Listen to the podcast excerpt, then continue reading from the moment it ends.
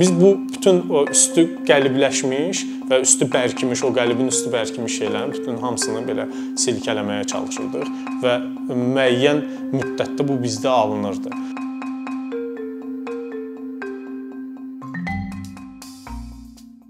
...2004-cü ildə universitetə qəbul olandan sonra Məndə varam verilişi başladı. Məndə varam verilişini aktiv şəkildə izləməyə başlamışdım. Oradakı üzvlərdən biri Vüsal Jordan ləqəb Jordan ləqəbli Vüsal adında biri olan demişdi ki, ətrafındakı adamlara ki, bu əgər Sumqayıtda aktiv şəxslər varsa, bu replə məşğul olan və yaxud bu hip-hop mədəniyyətinə yaxın olan adamlar, onları yığaq, Sumqayıt rep birliyi yaratmaq istəyirəm, yaratmaq istəyirəm. Bu səda gəlib mənə də çıxmışdı. Mən də qoşuldum. Amma ə, uşaqların oxuduğu mövzularla mənim oxuduğum mövzular biraz belə böyük fərq ə, əmələ gətirirdi. Mən daha daha pessimistik, daha ə, nə bilim sosial mövzulara toxunan formada yazırdım. Uşaqlar əyləncədən yazmağı sevirdilər ə, və yaxud hər hansı bir ə, parti ə, nə bilim maşın bu bu tərz şeylərə meyl idilər. Amma bu Sumqayıt Rep Birliyi e, fəaliyyətim dövründə, həm də universitetin 1-ci kursunda mən artıq başladım e, səs rejissorluğu fəaliyyətinə. Bu da ehtiyacdan doğan bir şeydir. Çünki biz e, partilərdə demək olar pulsuz çıxış eləyirik, öz konsertlərimizi özümüz maliyyələşdiririk və nəticə etibarilə bizim pulumuz yoxdur və bu ehtiyacdan gəldim səs rejissorluğuna. Və səs rejissoru işləyə-işləyə də məni dəvət elədilər Bakıdakı studiyalardan birinə. Hə, mən Memarlıq İnşaat Universitetində oxuyurdum, sığorta işi fakültəsində. Deməli, tikinti iqtisad fakültəsində daha doğrusu. Dəvət elədilər Bakıdakı studiyalardan birinə. Mən getdim, başladım orada işləməyə. Orada işləyə-işləyə artıq ikinci qrupum, iki türk və bir mən Azərbaycanlıdan ibarət bir Azturk adlı bir qrup yarandı. Və o qrupun üzvləri və həmçinin mən, onlar Türkiyədən özləri ilə belə enli geyimlər və o vaxt Bakıda ə, e, ancaq hip-hop nümayəndələrinin geyindiyi enli geyimlər, ə, e, kepka, belə enli kurtkalar. Ə, e, bunlarla biz belə digərlərindən fərqlənirdik. Biz öz ə, içində olduğumuz janrı öz geyimimizlə necə deyirlər, bariz nümayiş elətdirirdik. Və ə, e, o qrupda o üzvlərdən birinin adı Musab idi. Musab bir dəfə metroda gələndə təsadüfən başqa ə, e, o cür hip-hop geyimində olan uşaqları görür. 6 ya 5 nəfər olurlar onlar. Ə, həmin uşaqlar Baku klanının üzvü idilər.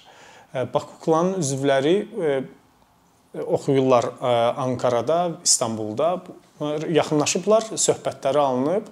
Ə, deyiblər ki, biz Türkiyədə oxuyub, o da deyib mən Qafqaz Universitetində oxuyuram. Belə münasibətlər yaranıb. Deyib, bəs e, sən niyə belə enli geyinirsən? Sən də hip-hopla maraqlanırsan. Deyib, hə, hətta rep qrupumuz var, belə Asturk adlanan. Harda yazılırsınız? Bizim bir Mete adlı səs rejissorumuz var. Onlar mənim yanıma gələndə e, qrupun üzvlərindən, Baku klanının daha doğrusu üzvlərindən olan Camal, Camal Əli mənə dedi ki, belə bir trekim var, hansının ki, sözlərini yazmışam, amma ə, e, musiqisi yoxdur bir damla həqiqət adlı trekimiz var idi. Daha doğrusu trekin barəsində. Dedim ki, mən musiqi yaza bilərəm. Yəni mövzu xoşuma gəlir. Olar mən də nəqarətini yazım, oxuyum. Razılaşdıq və belə qərar gəldi ki, bunu yazaq studiyada. Yazdıq, paylaşdıq və o yəni musiqini yazanda biz onların neftçilərdə yaşayırdıq. Onlarda bu musiqini yazanda mən onunla söhbət elədim ki, mənim fikrim var belə bir alyans qurmaq, hansı ki, Azərbaycanda belə gənc nəsil reperlər yetişir. O qrupları o alyansa ə, daxil eləmək və belə belə daha keyfiyyətli, daha bizi maraqlandıran, mənim özümün düşüncə tərzimə yaxın olan reperlərin bir alyansı olsun. Camal təklif elədi ki, elə biz bəlkə hələ ki Baku klan, bir də sən birləşək hə, bu alyansı başladaq birinci difai adı ilə o başlamağı istəyirdik. Bu da 18-20-ci illərdə deməli Azərbaycan Cümhuriyyətində olmuş müdafiə dəstələrinin adı idi difai. Ondan ilhamlanaraq istəyirdik difai götürək. Sonra biraz müzakirələr əsasında qərar gəldi ki, biraz daha axtaraq. Elxanla Orxan bu müzakirələrdən birində təklif elədilər ki, hava, od, su, torpaq olsun, host olsun alyansın adı. Hamımızın xoşuna gəldi. O vaxtda da Dan Brown'un belə əsərlərinin pop kulturaya, pop mədəniyyətə çevrilən bir dövr idi. Hamı Dan Brown oxuyurdu bizi özümüzü də tutdu bu ideya və qrupun adını qoyduq Host və ə, ümumi birinci razılaşmamız o idi ki, biz birləşirik 2 albomluq və yaxud 50 treklik, 50 trek yazacağıq, ondan sonra fəaliyyətimizi dayandıracağıq. Amma elə oldu ki, ə, biz yaza-yaza uşaqların müəyyən Bakıdakı uşaqlar ə, burada oxuyan uşaqlarla oradakı uşaqların fikir ayrılığı yarandı və qrup 8 üzvdən 4 üzv qaldı. Birinci Camal çıxdı, arxasıca Fərid, Elvin, Əli bunlar qrupu tərk elədilər və e, biz artıq e, az üzv idik deyə daha belə dəqiq, konkret bir ideoloji xətt tutaraq, o ideoloji xətt üzrə, o mövzular üzrə və 50 trek e, söhbətindən kənar çıxaraq daha çox trek yazmağa başladıq. Birinci proloq albomu yazılmışdı, onda 800 üzv idik.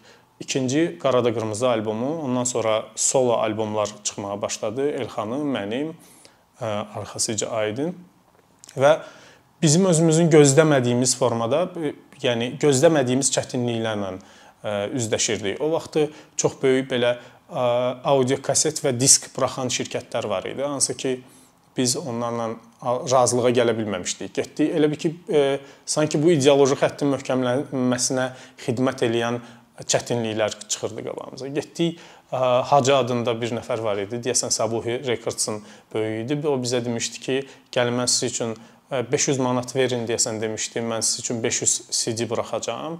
O CD-ni verəcəm özünüzə, özünüz satın. Biz dedik ki, CD çap eləməyə qalırsa biz özümüz də eləyə bilərik onu. Onda biz niyə satışla məşğul olmalıyıq? Bu bizə çatmadı. Ona görə belə qərara gəldik ki, diskləri özümüz düzəldək, özümüz dizayn eləyək, özümüz çap eləyək, özümüz satmayaq, paylayaq. Və bu paylama amili də sanki böyük bir rezonansa səbəb oldu. Bizim albom çıxmışdı birinci yerli saytlardan birində. E, albom yox, 2 trek, How Rapping və Həyatım əllərimdə adlı 2 trek və maraqlı rezonansa səbəb olmuşdu. Rap o vaxtı rap forumları var idi rep forumlarından maraqlı rəylər alırdıq. Dəyirman qrupunun üzvündən, üzvlərindən bizə rəy gəlmişdi. Bizim üçün bu çox böyük ə, necə deyim, belə böyük təəssüratlar idi. Çünki ə, illərlə qulaq asdığın reper sənin işinin keyfiyyəti və ə, yəni keyfiyyətliyi haqqında əminliklə nəsə deyirdi. Biz qalmışdıq belə özümüz özümüzdən əslində bunun üçün çalışmadığımız üçün pop üslub üçün çalışmadığımız üçün populyar adamlardan bu cür rəylər almağı biraz bizi çaşqınlığa salırdı. Və nəticə etibarilə bizə elan elədik ki, fevral ayının 13-ü bizim disk paylama mərasimimiz olacaq.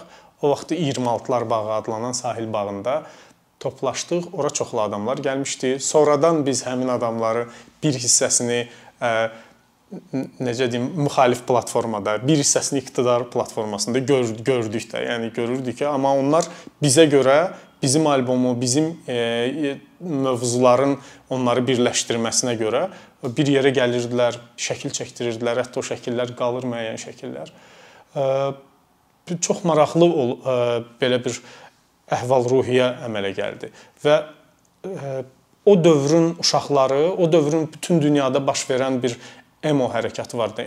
Emosional musiqi e, hərəkatı var idi ki, məsəl üçün səhv eləmirəmsə Alman qrupu olan Tokyo Hotel, Amerikan qrupu olan e, Linkin Park, e, türk repində Sagopa və Caza cəzanın başladığı bir ideoloji hərəkat və o dövrə paralel olaraq Azərbaycanda da belə bir şeyin olmağı, sanki Azərbaycan dilində bir kontentin olmağı çox böyük matching deyirlər də, uyğunluq əmələ gətirdi və avtomatik olaraq insanlar öz dilində belə kontentə qulaq asmaqlarından belə zövq almağa başladılar. Mən indi geriyə baxıb hələ yəni nəsə deməyim üçün bəlkə də bir, bir neçə il də lazımdır, amma bizim musiqilərin keyfiyyəti falan, nə bilim, yazılış üslubu barəsində o qədər də komment eləyə bilmirəm. O qədər də şərh verə bilmirəm, amma onu bilirəm ki, o dövrdə biz nəyə qulaq asırdıqsa, həmin o qulaq asdığımız üslubun, qulaq asdığımız janrın Azərbaycanda təzahürünü yarada bilirdik və ona görə bizə qulaq asırdılar. Və həddən ziyadə, həddən çox insanlar gəldi, toplaşdı bizim ətrafımıza. Biz onları birinci dalğa və ikinci dalğa e, kimi adlandırırıq. Bizim ətrafımızda çox yaxın uşaqları biz birinci dalğa adlandırırdıq. Mən onlarla uşaqların Bakıda olduğu, Bakıda olmadığı dövrdə mütəmadi olaraq görüşlər keçirdirdim. İsti münasibət, bir-birini tanımayan, biri nə bilim Əhmədlidə böyümüş, biri Naxçıvanda böyümüş, biri Şəkidə böyümüş uşaqlar gəlirdilər bizim görüşlərdə öz fikirlərini bildirirdilər. Deyirdilər bu belədir, bu belədir, amma çox maraqlıdır ki, heç vaxt mahnılarla bağlı heç heç kim heç e, heç bir komment vermirdi. Hamı ancaq onu deyirdi ki, mən öz müslüm mahnılarınızda tapmışam. Mənim üçün bu çox əziz e, bir hissdir və o uşaqlar e, hal-hazırda bir çox fərqli-fərqli yerlərdə işləyirlər, fərqli-fərqli pozisiyalardadılar, amma e, yenə də o bağlılıq onlar özlərini hosted adlandırırdılar, biz də həmçinin. O hostedlər hələ də o bağları qalır. Bir də görsən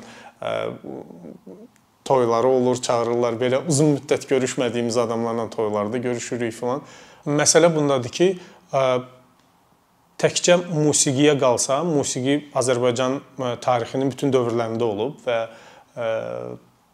bu heç kim üçün yenilik deyildi. Nə rep yenilik deyildi, nağılbaz e, başlayıb, nağılbazdan qabaq da olub müəyyən rep elementləri və bizdən sonra da e, davam eləyir bu musiqi janrı və hip-hop həmçinin janrı.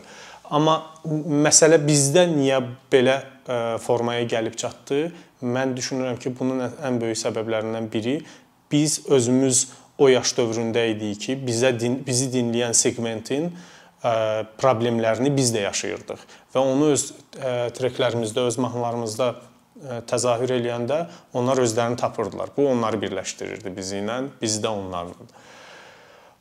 Və həmçinin belə bir geyim mədəniyyəti formalaşdı. Onlar hər hansı bir element olsun, qolbaq olsun, nə bilim bandana olsun, ya papaq olsun, ya köynək olsun, üstündə bir kiçik də olsa bir host elementi atırdılar və bu onları birləşdirən ikinci mədəni bir alət idi e, belə bu günlərdən birində müzakirə eləyirdik dostlarımla.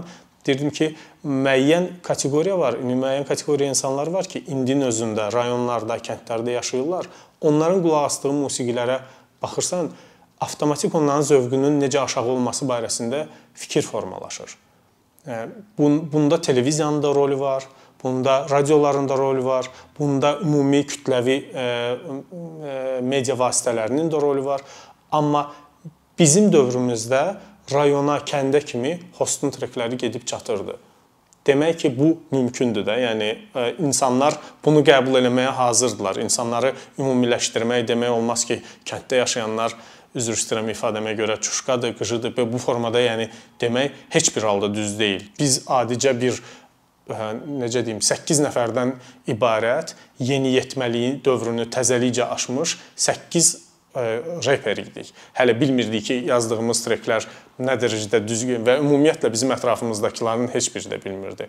Mənim atam mən birinci dövr repə başlayanda mən deyirdi ki, nəyə lazımdır bu da? Yəni bundan axıra kimi məşğul olacaqsan. Mən ona dəqiq bir cavab verə bilmirdim. Mənim atam heç vaxt belə ə, sərt formada deməyib də ki, yox, bu sənin nəyə lazımdır, get başqa şeylə məşğul ol. O sadəcə mənə həmişə onu vurğulayıb ki, Nə iləsə məşğul olursansa, axıra kimi məşğul olmaq bu çox vacibdir. Çünki sənin arxanca gələn adamlar ola, ola bilər, sən elə bir işlə məşğul ola bilərsən ki, sənin arxanca gələn adamlar olacaq və onları yarı yolda yox mən fikrimdən daşındım deməyin düzgün olmaz. Yəni onları müəyyən e, məqama çatdırmaq sənin artıq borcuva çevrilir. E, vəfa borcuva çevrilir belə deyək. Birinci dövrdə yəni birinci hansı ki qrupda olanda e, Sumqayıt Rep Birliyində atam qulaq asırdı, deyir müəyyən e, şərhlər verirdi. Amma belə də hiss elirdim ki, onun qulaq asdığı janr, onun e, oxuduğu media məqalələri deyək, onlarla üst-üstə düşmür. Çünki biz daha çox yeniyetmə idik. Çünki biz daha çox nə bilim əyləncə arxasınca olan bir insanlar idik. Amma o ki bir balaca formalaşmağa başlayandan sonra biz də bizə qulaq asan kütlənin hansı səmtə getdiyini, hansı səmtə getmək istədiyini anlayandan sonra artıq özümüzə düzən verməyə başladıq.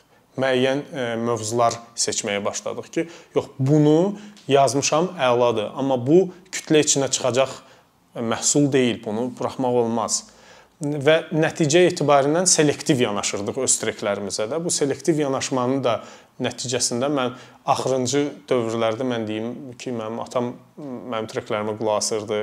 Buraxan kimi paylaşırdı və yaxud öz şərhi olanda deyirdi ki, hə orada filan cümlə demisən, onu niyə demisən? Yəni belə müzakirələrimiz olurdu. Və nəinki mənim atam, ətrafda bir çox adamlar, ətrafda ətrafda olan bir çox valideynlər həmçinin bizim dinləyicilərimiz olan necə deyim 15-30 yaş kateqoriyasının öz, özləri də bu virus şəklində öz valideynlərini, ətrafdakı dostlarını filan yoluxdururdular bizim treklərə. Deməli biz ümumiyyətlə mövzulara yanaşanda həmişə bu mövzuları 4 kateqoriyaya bölürdük. Hava, od, su, torpaq, necə adımızda olduğu kimi. Torpaq daha çox maddi, ə, ə, necə deyim, məişət problemlərini əhatə edən, Su daha çox lirizm idi. Hava daha yumşaq mövzular və od var idi ki, od bu aqressiv treklər idi. Biz mən düşünürəm ki, bu digər 3 janrdan daha çox bizim od adlandırdığımız mövzular birləşdirirdi gəncləri. Çünki bilirsiniz, o yaşda yeniyetməli, yeni keçmisən səni başa düşməyiblər və yaxud başa düşüblər. İndi valideyn hər hərənin valideyni bir cürdür. Hərənin valideyni eyni anlayışla yanaşmır. Hamımız fərqli-fərqli ailələrdənik və fərqli ailələrdə böyüməyimiz bu o deməkdir ki, avtomatik ə, yəni bizim bizə verilən tərbiyə, bizə verilən ə, kodekslər fərqlidir. Və bizim o müəyyən ə, necə deyim, haqq hüquq pozuntuları deyək, sosial ə, e, düzgün olmayan məqamları o bağıraraq deməyimiz onlara bir cəsarət verirdi. O cəsarət əsnasında onlar e, ətrafından fərqlənirdilər. Bu cəsarət onları sanki bu e, stratosferdən, bu 7 qatdan ayırırdı, gətirirdi bizə və bizi ilə bir bir belə bir ə, kosmik dildə desək, gətirirdi bizə və onlar artıq istəsəydilər də, yəni əvvəlki kimi ola bilmirdilər. Çünki haqsızlıq görəndə özlərinə artıq susmamağa e, qərar vermiş adamlar idi. Və bu gətirib ona çıxartdı ki, onlar hamıdan fərqli fərqli idilər və öz fikirlərini açıq şəkildə bildirirdilər. Hər hansı bir ə, istər sosial, istər siyasi, istər mədəni, istər seksual hər hansı bir problemi görəndə bu adamlar çəkinmədən açıq fikirlə deyirdilər və bu e, tərz adamlara mənə elə gəlir ki, bizim bir çox Azərbaycan yeni Azərbaycan tarixinin e, dövründə də, keçmişdə də e, ehtiyac olub. Çünki biz məişətdə nəyi öyrədilər bizə, evdə nəyi öyrədilər bizə? Demə ayıbdır, olmaz, belə olmaz filan. Biz hətta ona kimi öz mövzularımızda toxunurduq ki, böyüyə yer vermək, kiçiyə yer, e, kiçik kimi özünü aparmaq, nə bilim, bu davranışlar ümumiyyətlə nəyə lazımdır? Okay. Bunlar tabulardır, yoxsa yəni biz bu bütün o üstü qəlibləşmiş və üstü bərkimiş, o qəlibin üstü bərkimiş şeylərin bütün hamısını belə silkələməyə çalışırdıq və müəyyən müddətdə bu bizdə alınırdı. Musiqi özü əgər səhv maliyyələşəndə və yaxud səhv yerdən maliyyələşəndə çox belə zərərli və ə, digər mədəni alətlər kimi e, səhv bir e, təsir vasitəsinə çevrilə bilər. Məsələn, bu dünyada belə nümunələr var, amma mən e, ümumiyyətlə hesab edirəm ki, bir çox mədəni vasitələr kimi musiqinin də belə deyək, dövlət və yaxud qeyri-dövlət strukturları tərəfindən maliyyələşməsi vacibdir xüsusilə hip-hop janrının Azərbaycanda keçirdiyi çətinlərə, çətinliklərə baxanda mən hesab edirəm ki, bu çox vacib bir məsələdir.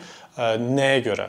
Çünki hip-hop Azərbaycanda 2 və yaxud 3 dövrdə pul qazana bilib. Digər bütün dövrlərdə o ya keyfiyyətini ciddi şəkildə aşağı salmalı və toy musiqisinə çevrilməlidir ki, ona yəni toyda da oxunulacaq hip-hop nümunəsinin artıq mövzusu da bəllidir. Yəni isə gedib sosial problemlərdən əlbəttə ki, toyda oxuya bilməzsən. Məsələ bundadır ki, Azərbaycan repi yalnız belə deyək, Hüseyn 2-3 konsert ilə Dəyirman qrupunun dövründə, Hüseyn Dəryanın konsertləri dövründə, bir də Hostun bu parti və konsertlər dövründə külli miqdarda pul qazanıb. Yəni külli miqdarda deyincə repin qazana biləcəyi maksimumlara çatıb. Amma indi müəyyən nümunələri çıx, çıxma, saymasaq əlbəttə ki, indi yaxşı qazanan reperlər var. İçində özümü də sayıram. Bu böyük maddi problemlər var və maddi problemlər ona gətirib çıxardır ki, kontent nümunə ilə deyim. Məsəl məsələn rus repində kasta qrupu var və yaxud Basta var və yaxud digər köhnə reperlər var ki, hansı ki hələ də fəaliyyət göstərirlər və onların repinə artıq 15-35 yaş kateqoriyası deyil, 25-45 yaş və yaxud 25-55 yaş kateqoriyası qulaq asır. Səbəb nədir? Səbəb odur ki, adamlar e, neçə illərdir eləyirlər və eləyə e, bu rep e, janrında ifaçılıq eləyə-eləyə həm mövzularını böyüdüblər, çünki yaşları böyüyüb və mövzu böyüdükcə, mövzunun hədəf istiqaməti böyüdükcə avtomatik kütlənin də yaşı böyüyür və sənin oxuduğun mövzular əlbəttə ki 15-25 yaşında olan gənclərə maraqsızdır. Avtomatik sənə qulaq asır daha e, yüksək yaş kateqoriyasında olanlar. E, Azərbaycanda isə belə bir e, problemlər yaşanır. Məsələn, Rusiyada adicə bir reperin hər hansı bir klubda çıxış eləməyi ona külli miqdarda pul qazandıra bilər. Amma Azərbaycanda belə deyil. Azərbaycanda Azərbaycanın mədəni çevrəsi mədəni belə necə basqısı əsas Bakıdadır. Bakı və hətta bütün Bakı rayonlarını demək olmaz, məhz mərkəzdədir. Sən elə bu zonada nə eləyə bildin, eləyə bildin? Eləyə bilməmisənsə, deməli uğursuz ifaçısan, konsert top konsertdə kütlə toplaya bilmirsən və yaxud klub konsertində kütlə toplaya bilmirsən, bu avtomatik nəyə gətirib çıxardır? Ya sən treklərin keyfiyyəti aşağı düşür, ya da mövzularda sən ə, səndə olmayan və yaxud ə, səndə olan problemlərdən yazırsan. Dinləyici it itkisinə gəlib çıxır. Mən ona görə fikirləşirəm ki, hər hansı bir strukturlaşma olmalıdır. Hər hansı bir ə, bu hip-hopun hər hansı bir alətə çevrilməyi mütləq vacibdir. Ə, yəni bilmirəm nə formada. Əslində bunu sadəcə bir fikir kimi səsləndirirəm. Bəlkə də mən atəşə tutacaqlar bu fikrimə görə. Çünki ə, hmm, yəni rep həmişə öz rep hip-hop mədəniyyəti həmişə öz azadlığı ilə, öz azad ə, fikirləri təlqin eləməyi ilə məşhur olub. Amma ə, belə görünür ki, Azərbaycanda müəyyən yaşa çatandan sonra reperlər bu ə, ifa, ifaları buraxırlar. Və bir də ən böyük problemlərdən biri radiolardır. Müəyyən ə, çox gözəl ə, ifalar var ki, müəyyən dövrlərdə onlar kütlə arasında, cəmaətin arasında çox məşhurlaşıblar, amma radiolar onları rotasiya eləməyib. Radioların onlar radioların onları rotasiya eləməməyinin səbəbi də odur ki, bu, bu onlar ya efirə pulla buraxırlar ki, dünyada belə ə, e, təcrübə yoxdur. Dünyada bütün radiolar ifaçıdan pul alaraq onu efirə yox, ifaçıya pul verərək onu efirə çağırırlar. Bir qonorar verirlər, hər hansı bir qonorar verirlər və Azərbaycanda çox maraqlıdır ki, 2019-cu ilin əvvəllərindən bu yalnız bu ildən ictimai radioya e, DJ Fatih təyin olunandan direktor o bir neçə yerdə müsahibəsində də kütləvi informasiya vasitələrində dedi ki, biz istəyirik ki, ictimai radio ictimai adından göründüyü kimi hə, ictimaiyyətin radiosu olsun və orada Azərbaycanca musiqilər səslənsin. Amma indi bizim ə, e, küçələrdə ə, e, rastladığımız musiqi yox. Yəni daha keyfiyyətli, daha necə deyim, dünya e, standartlarına uyğun gələn səslənməsi, mövzusu filan. Və bu əslində birinci müddət çox belə novator fikrə bənzəyirdi. Çox ə, belə qorxulu və fantastik ə, bir e, film fikri kimi səslənirdi, amma e, bu hal-hazırda 2019-un axırını yaşayırıq. Sadəcə bir dənə mail var. Sən Trackvi əgər keyfiyyətli sayırsansa, həmin mailə göndərirsən, həmin maildən avtomatik ictimai e, radionun efirinə düşürsən.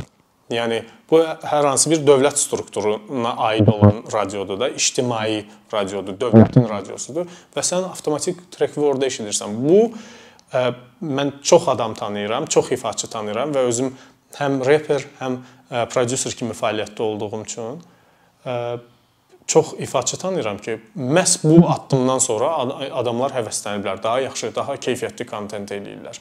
Demək ki, Azərbaycan özəl və e, dövlət radioları sərhədlərini belə açanda bu belə radio Azərbaycan musiqisinin inkişafına təsir eləyir yaxşı mənada.